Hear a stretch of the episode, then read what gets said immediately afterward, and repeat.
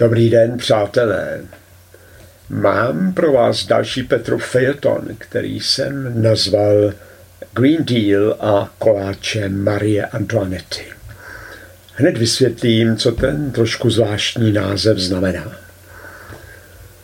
Kdyby si všichni chudí v Evropské unii oblékli známé žluté vesty, tak by Evropa již dnes vypadala jako zařepkované jarní Česko z letadla.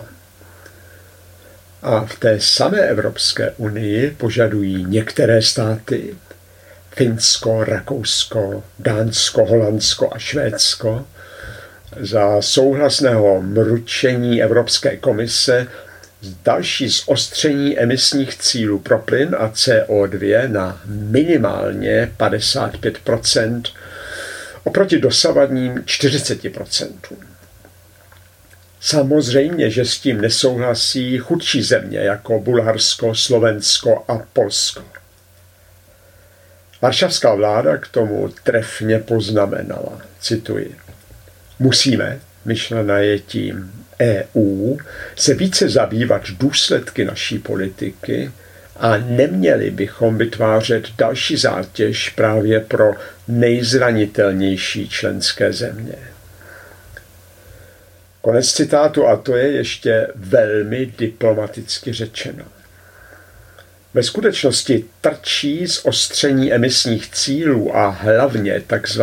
Green Deal von der Leyenové jako macatá barokní skříň, která zbyla ve vile po útěku před exekutory do dvoupokojového bytu na periferii.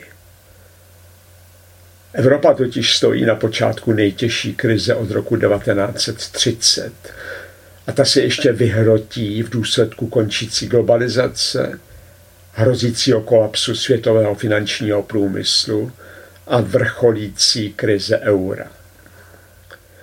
Prosazovat v této situaci zostření emisních pravidel a celý Green Deal znovu dokazuje, jak daleko mimo mísu se nacházejí vládnoucí kruhy, zejména v západní Evropě.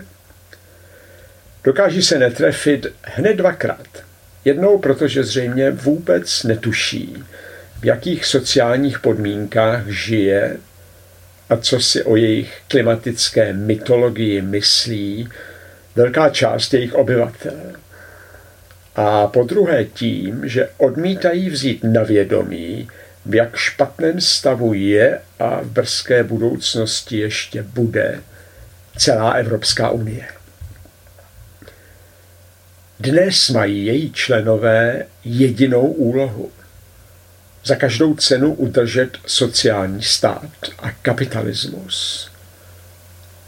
Když se nepodaří to první, tak nutně skončí i to druhé a i to třetí, totiž svoboda a demokracie.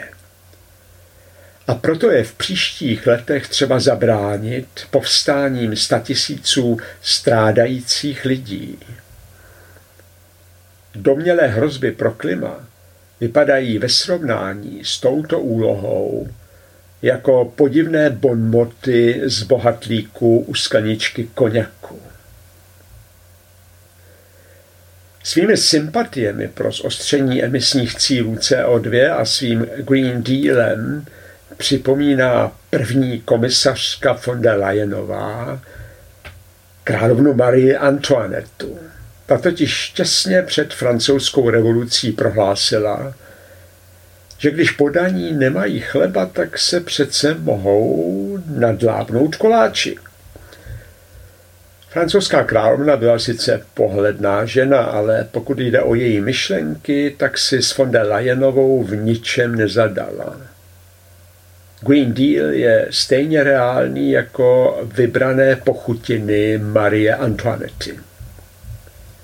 Pravda dnes sice nehrozí gilotína, ale je jisté, že evropské chudině neunikly informace a barvité záběry násilností a plundrování v Americe.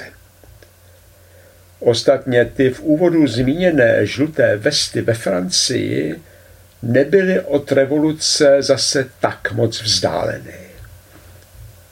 Děkuji za váš čas a přeji příjemný den.